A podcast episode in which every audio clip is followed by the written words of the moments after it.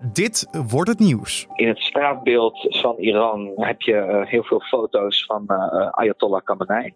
Maar ook uh, aardig wat foto's van deze Qasem Soleimani. Dus het was een, eh, een, invloedrijke figuur. En die invloedrijke figuur kwam afgelopen vrijdag om het leven bij een Amerikaanse droneaanval in Bagdad. Soleimani had veel aanzien in Iran en bekleedde daar een militaire topfunctie. We praten er straks verder over met buitenlandredacteur Matthijs Lelou. Maar eerst kijken we kort naar het belangrijkste nieuws van nu. Mijn naam is Carne van der Brink. Het is vandaag maandag 6 januari 2020. Ik weet niet of het officieel nog wel mag, maar omdat het de eerste podcast voor het nieuwe jaar is, wens ik je de beste wensen toe en ik hoop dat het een heel mooi jaar voor je gaat worden. Vannacht werden weer de Golden Globes uitgereikt in Amerika. De Golden Globes zijn de filmprijzen van de Hollywood Foreign Press Association. Dat is een organisatie van 90 journalisten en fotografen uit ongeveer 55 landen. De Eerste Wereldoorlogfilm 1917 heeft de Golden Globe voor beste dramafilm gewonnen. En Once Upon a Time in Hollywood van Quentin Tarantino is de beste film in de categorie beste musical of comedy. Streamingdienst Netflix is de grote verliezer van de avond geworden. Van de 34 nominaties wonnen ze er maar twee. Verder kreeg Joaquin Phoenix een Golden Globe voor zijn hoofdrol in de film Joker. En Renee Zellweger mocht de prijs mee naar huis nemen voor haar hoofdrol in Judy. De Golden Globes worden gezien als een goede graadmeter voor de Oscars die op 10 februari worden uitgereikt. De val van het acrobatenduo vrijdagavond tijdens het Wereldkerstcircus in het Amsterdamse Carré is waarschijnlijk veroorzaakt door een afgebroken tand.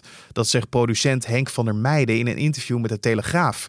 De twee acrobaten die optraden onder de naam Sky Angels, een man en een vrouw, vielen zo'n 10 meter naar beneden zonder vangnet. De finale van de act die misging begint ermee dat de mannelijke acrobaat in de lucht wordt gehezen met zijn vrouwelijke partner aan een tuigje dat hij in zijn mond vasthoudt. Het zou mis zijn gegaan omdat een tand afbrak en daardoor viel in zijn mond de druk weg waarmee hij het bitje vastbeet waaraan zij hing. Bij de man werd slechts een hersenschudding geconstateerd en mocht zaterdag het ziekenhuis alweer verlaten. De vrouw moest geopereerd worden aan verschoven nekwervels en maakt het naar omstandigheden goed, maar moet een langere periode revalideren. Samsung heeft vannacht op de technologiebeurs CES in Las Vegas verschillende nieuwe televisies getoond. Het gaat onder meer om een nieuwe 8K-televisie met zeer dunne randen om het scherm en een televisie met een 292-inch scherm. Zo gaat een televisie gebruik maken van kunstmatige intelligentie om video's in lagere resolutie te verhogen tot 8K. En aan de hand van kunstmatige intelligentie kunnen straks bijvoorbeeld stemmen in films worden aangepast, zodat acteurs beter verstaanbaar zijn. Het is nog niet bekend wanneer televisies op de markt komen en tegen welke prijs. Hoe de andere gepresenteerde televisies eruit zien en ook van andere merken, dat lees je op nu.nl. Want onze tech-collega's zijn in Las Vegas om verslag te doen van deze technologiebeurs. Het nieuwe jaar begon zwaar voor de internationale relaties tussen Iran en de Verenigde Staten. Vorige week vrijdag werd de Iraanse topgeneraal Soleimani gedood bij een Amerikaanse droneaanval bij de luchthaven van Bagdad. Collega Michael Royal sprak hierover met buitenlandredacteur Matthijs Lelou en vroeg hem wat er nu gezegd kan worden over de spanningen tussen de VS en Iran. Er zijn afgelopen weekend een aantal ontwikkelingen geweest. En een van de belangrijkste daarvan is dat Iran heeft besloten om uit het uh, nucleair akkoord te stappen. Uh, zoals we weten deed de VS dat al eerder. En uh, deze aanval op Soleimani is nu voor Iran de aanleiding om ook uit het akkoord te stappen. Dat zal vooral voor de EU, die steunde dat akkoord nog steeds. Dus vooral voor de Europese landen is dat een vervelende ontwikkeling. Dan uh, is er nog het Iraaks parlement. Die zijn ook zeer ontevreden over het feit dat de, VS deze aanval op hun grondgebied uh, hebben uitgevoerd uh, zonder toestemming. En die zeggen dat ze nu ook de Amerikanen, de Amerikaanse militairen het land uit willen hebben. Dus het is nog even afwachten hoe, hoe dat zich gaat ontwikkelen. En tot slot is er ook een Nederlands haakje aan deze zaak. Het kabinet heeft namelijk bekendgemaakt dat een deel van de Nederlandse missie in Irak. Er zijn daar Nederlandse trainers actief die uh, Irakese commando's trainen. nou ja, dat, dat wordt stopgezet, dat deel van de operatie. Er blijven in het noorden van Irak nog wel Nederlandse trainers actief bij het opleiden van Iraaks-Koerdische Peshmerga-milities. Dus dat zijn een beetje de, de, de, ontwikkelingen van de afgelopen dagen. Ja, dus dat is een flinke ontwikkeling eigenlijk um, door de dood van, ja, voornamelijk gaat het om één uh, generaal, Qasem Soleimani. Uh, wie was die man nou en waarom is dit zo'n, waar, waarom brengt dit zoveel teweeg? Hij was zeer invloedrijk in Iran. hij werd zelfs genoemd als een mogelijke opvolger voor opperleider Ali Khamenei, Ayatollah Khamenei. Um, ja, hoe populair was hij? Wie was hij precies? Uh, het was een, uh, een ijzervreter, het was een, een havik. Hij heeft, uh, heel lang heeft hij het, buitenlandbeleid van Iran heeft hij bedacht. Hij wordt een beetje gezien als de meesterstrateeg in de zoektocht van Iran naar meer invloed in de regio. Um, in het straatbeeld van Iran heb je heel veel foto's van Ayatollah Khamenei. Maar ook aardig wat foto's van deze Qasem Soleimani. Dus het was een, eh, een invloedrijke figuur. Je zei iets over uh, wat hij nou in de, uh, in de regio doet qua strategie. Kun je daar nog iets over zeggen? Ja, nou dan kunnen we het beste uh, Irak een beetje als voorbeeld nemen. En, en, als je naar het Midden-Oosten kijkt, dan zijn er in de afgelopen decennia zijn er een beetje twee regionale grootmachten ontstaan. Dat zijn dan Iran en Saudi-Arabië. Uh, Iran is natuurlijk ja, een theocratisch regime met een vrij stevig leger voor de regio. Saudi-Arabië heeft vooral heel erg veel geld. Die twee die strijden om invloed. Uh, Saudi-Arabië is een bondgenoot van de Verenigde Staten. De Verenigde Staten heeft natuurlijk ook het een en ander aan oliebelangen uh, in het Midden-Oosten. Uh, en Irak is eigenlijk al decennia een beetje een speelbal tussen deze twee machten. Vooral de, dan de VS en Saudi-Arabië tegen Iran. Ehm, ja, je had dan natuurlijk eerst de dictator Saddam Hussein. Die begon als een bondgenoot van de Sovjet-Unie. Dus daar waren de Amerikanen niet zo op opgesteld. Maar na de val van de Sovjet-Unie toen werd Saddam een beetje een, uh, ja, een tegenhanger. Die moest Iran een beetje onder de duim houden. In de jaren tachtig is er een hele grote oorlog, een lange oorlog, acht jaar lang een oorlog geweest tussen Irak en Iran. Irak viel Iran binnen. Dat werd een loopgravenoorlog die vele, vele levens heeft geëist. Um, ja goed, na 9-11 kregen we natuurlijk de Amerikaanse inval in Irak op voorwenselen die volgens de meeste mensen niet helemaal zuiver op de graad waren. Toen viel Saddam. Toen was die rivaliteit met Iran weer eventjes vol in zicht. En toen kwam Islamitische Staat op. En toen stonden alle neuzen even in dezelfde richting. Want zowel Iran als de VS uh, hadden het natuurlijk niet zo op Islamitische Staat. Dus uh, iedereen streeft tegen Islamitische Staat. Maar nu uh, dat territoriale kalifaat van de IS is verdwenen, um, is die concurrentiestrijd om invloed in het Midden-Oosten weer vol losgebarsten. En dan vooral met Irak als een beetje een focus point. En waarom was die generaal dan zo belangrijk voor Irak? Wat was zijn rol daarin? Nou, Soleimani um, Kijk, als Iran uh, ik kan natuurlijk militair gezien niet op tegen de Verenigde Staten. Dat is uh, een ongelijke strijd. Maar wat Iran doet, is het steunt milities in andere landen, bijvoorbeeld Hezbollah in Libanon. het steunt het regime van Assad in Syrië.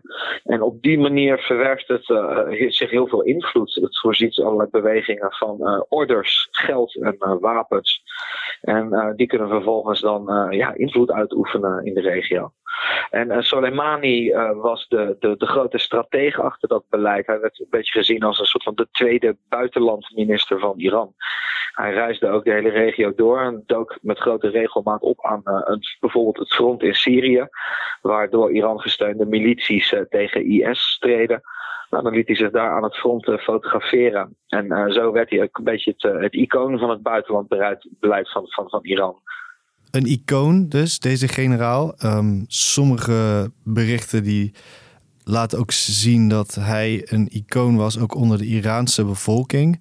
Maar andere mensen spreken dat weer tegen en uh, zeggen dat dat beeldvorming is van de Iraanse overheid.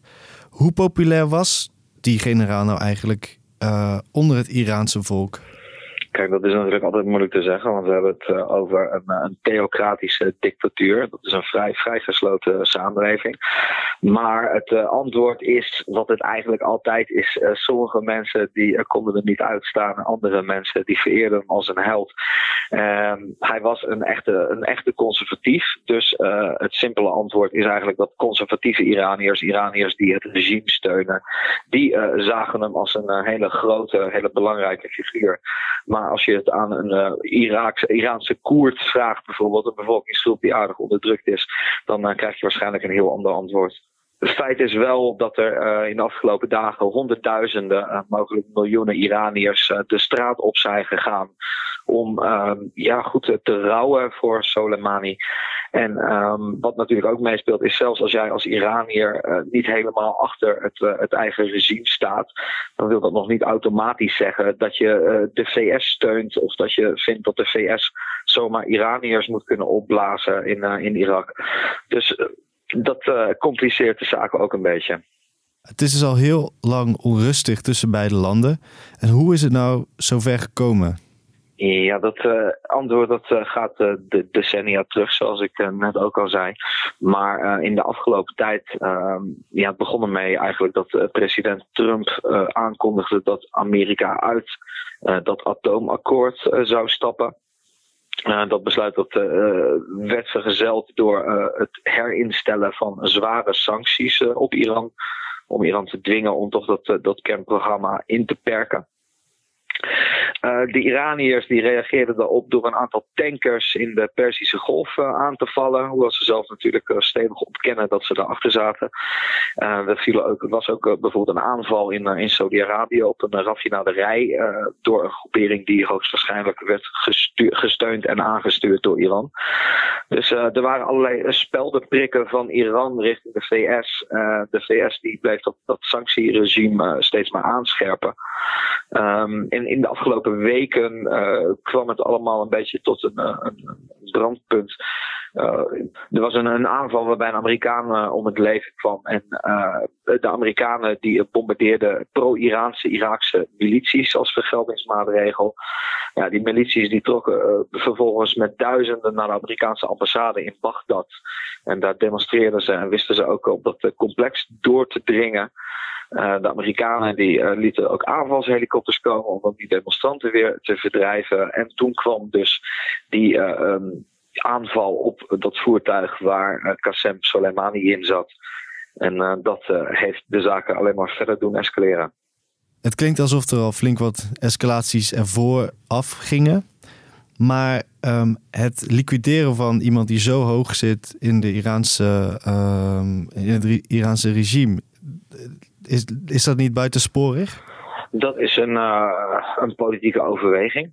President Trump die zegt dat uh, Soleimani uh, aanvallen hielp te plannen op de Amerikanen, dat er een directe dreiging was. En hij zegt we hebben hem juist geliquideerd om oorlog te voorkomen. de bewijzen die het Witte Huis daarvoor heeft gepresenteerd, nou goed, die zijn volgens nog heel dun. Dus daar is heel veel discussie over in hoeverre dat een, een legitieme aanval was. Dus daar is nog heel veel discussie over. Uh, de VN-speciale rapporteur voor uh, buitenrechtelijke executies, uh, Agnes Calamar, die heeft wel al laten weten dat in haar optiek, voor zover ze nu kan overzien, dit er inderdaad lijkt te gaan om een buitenrechtelijke executie. Dus niet legitiem. Heb je enig idee wat ons nu te wachten gaat staan? Dat is heel moeilijk te voorspellen. Um, het is op dit moment nog niet duidelijk of uh, er verder geëscaleerd gaat worden of dat uh, de spanningen juist weer wat gaan afnemen. Ik uh, sprak afgelopen week met Kirsten Fontenrose. Zij was ooit directeur voor de golf binnen de Nationale Veiligheidsraad van Trump. En zij zegt dat ze verwacht dat Iran zeker zal gaan terugslaan. Uh, ze denkt ook dat het uh, niet op uh, de geëikte plekken zal gebeuren. Dus waarschijnlijk bijvoorbeeld niet dat er weer tankers in de Persische golf onder vuur worden genomen. Maar dat de Iraniërs zullen proberen om de VS te pakken op minder verdedigde plekken. Bijvoorbeeld ambassades in Zuid-Amerika noemden ze dan als voorbeeld van doelwitten voor mogelijke vergeldingsacties. Um, de Amerikanen die hebben Teheran laten weten dat als Iran vergeldingsmaatregelen neemt, dat er dan een klein zestigtal doelwitten op de korrel worden genomen door Amerikanen, waaronder ook bijvoorbeeld enkele gevallen van cultureel erfgoed.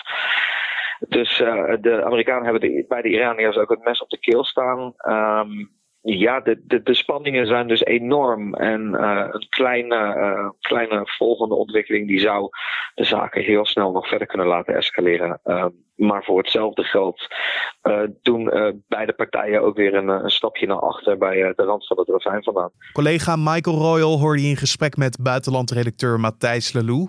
En op de valreep heeft de Amerikaanse president Donald Trump nog van zich laten horen. Hij dreigt dat als het Irakese parlement instemt om de Amerikaanse troepmachten weg te sturen, dat Bagdad de kosten van de luchtmachtbasis zelf moet betalen. Aldus Trump. En dan kijken we verder nog even wat er op de agenda voor vandaag staat. Op NPO 1 begint vanavond de eerste uitzending van de talkshow Op 1, die de vervanger is van de programma's Pauw en Jinek. Na het stoppen van Jeroen Pauw en het vertrek van Evi Jinek naar RTL ging de NPO op zoek naar liefst vijf presentatieduo's die ieder een uitzending van de late avond op zich nemen. Erik Dijkstra en Willemijn Veenhoven trappen vandaag af. En de nieuwe show van NPO heeft als concurrentie Eva Jinek, die bij RTL sinds vrijdag de late avond verzorgt. En in New York gaat de rechtszaak tegen de Amerikaanse filmmagnaat Harvey Weinstein van start. De 67-jarige Weinstein, die door tientallen vrouwen wordt beschuldigd van ongewenste intimiteiten, staat terecht voor mogelijke verkrachting van drie vrouwen in 1993, 2006 en 2013. Hij moet vrezen voor een levenslange gevangenisstraf. En dan nog even het weer. De maandag start grotendeels bewolkt met vooral in het noorden gemiezer. Later op de dag is het droog met vanuit het zuiden op steeds meer plaatsen af en toe de zon. En het wordt hooguit 8 graden met een matige zuid- tot zuidwestenwind. En om af te sluiten wil ik nog even terugkomen op een bericht van december. Toen vertelde ik dat de animatiefilm Frozen 2 wereldwijd meer dan 1 miljard dollar heeft binnengehaald. Alleen nu is deze film officieel de animatiefilm die wereldwijd het meeste geld heeft opgebracht ooit. Dat meldt CNBC zondag. Sinds oktober 2019 heeft de film wereldwijd 1,32 miljard dollar opgebracht. De eerste animatiefilm Frozen leverde in 2013 en 2014 een totaalbedrag van 1,28 miljard dollar op. En het tweede deel heeft dus al in twee maanden tijd al meer opgeleverd. De top 3 van de meest winstgevende animatiefilms bestaat nu enkel uit alleen Disney-films, waaronder Frozen 2, Frozen en Incredibles 2. En dit was dan de Dit wordt het nieuws podcast voor deze maandag 6 januari. Je vindt de podcast elke maandag tot en met vrijdag om 6 uur ochtends op de voorpagina van nu.nl. En je kan je ook gratis abonneren in je favoriete podcast app, zoals Google Podcast, Apple Podcast of Spotify. Je kan ons laten weten wat je van deze podcast vindt, of je het fijn vindt dat misschien je ochtendritueel weer aangevuld wordt door deze podcast. Laat het ons weten via podcast.nu.nl. Daar kan je ook wat feedback naar sturen. Dus als jij denkt, nou, dit kan anders, laat het ons weten via de mail podcast.nu.nl. Mijn naam is Carne van der Brink. Voor nu een hele fijne dag en tot morgen.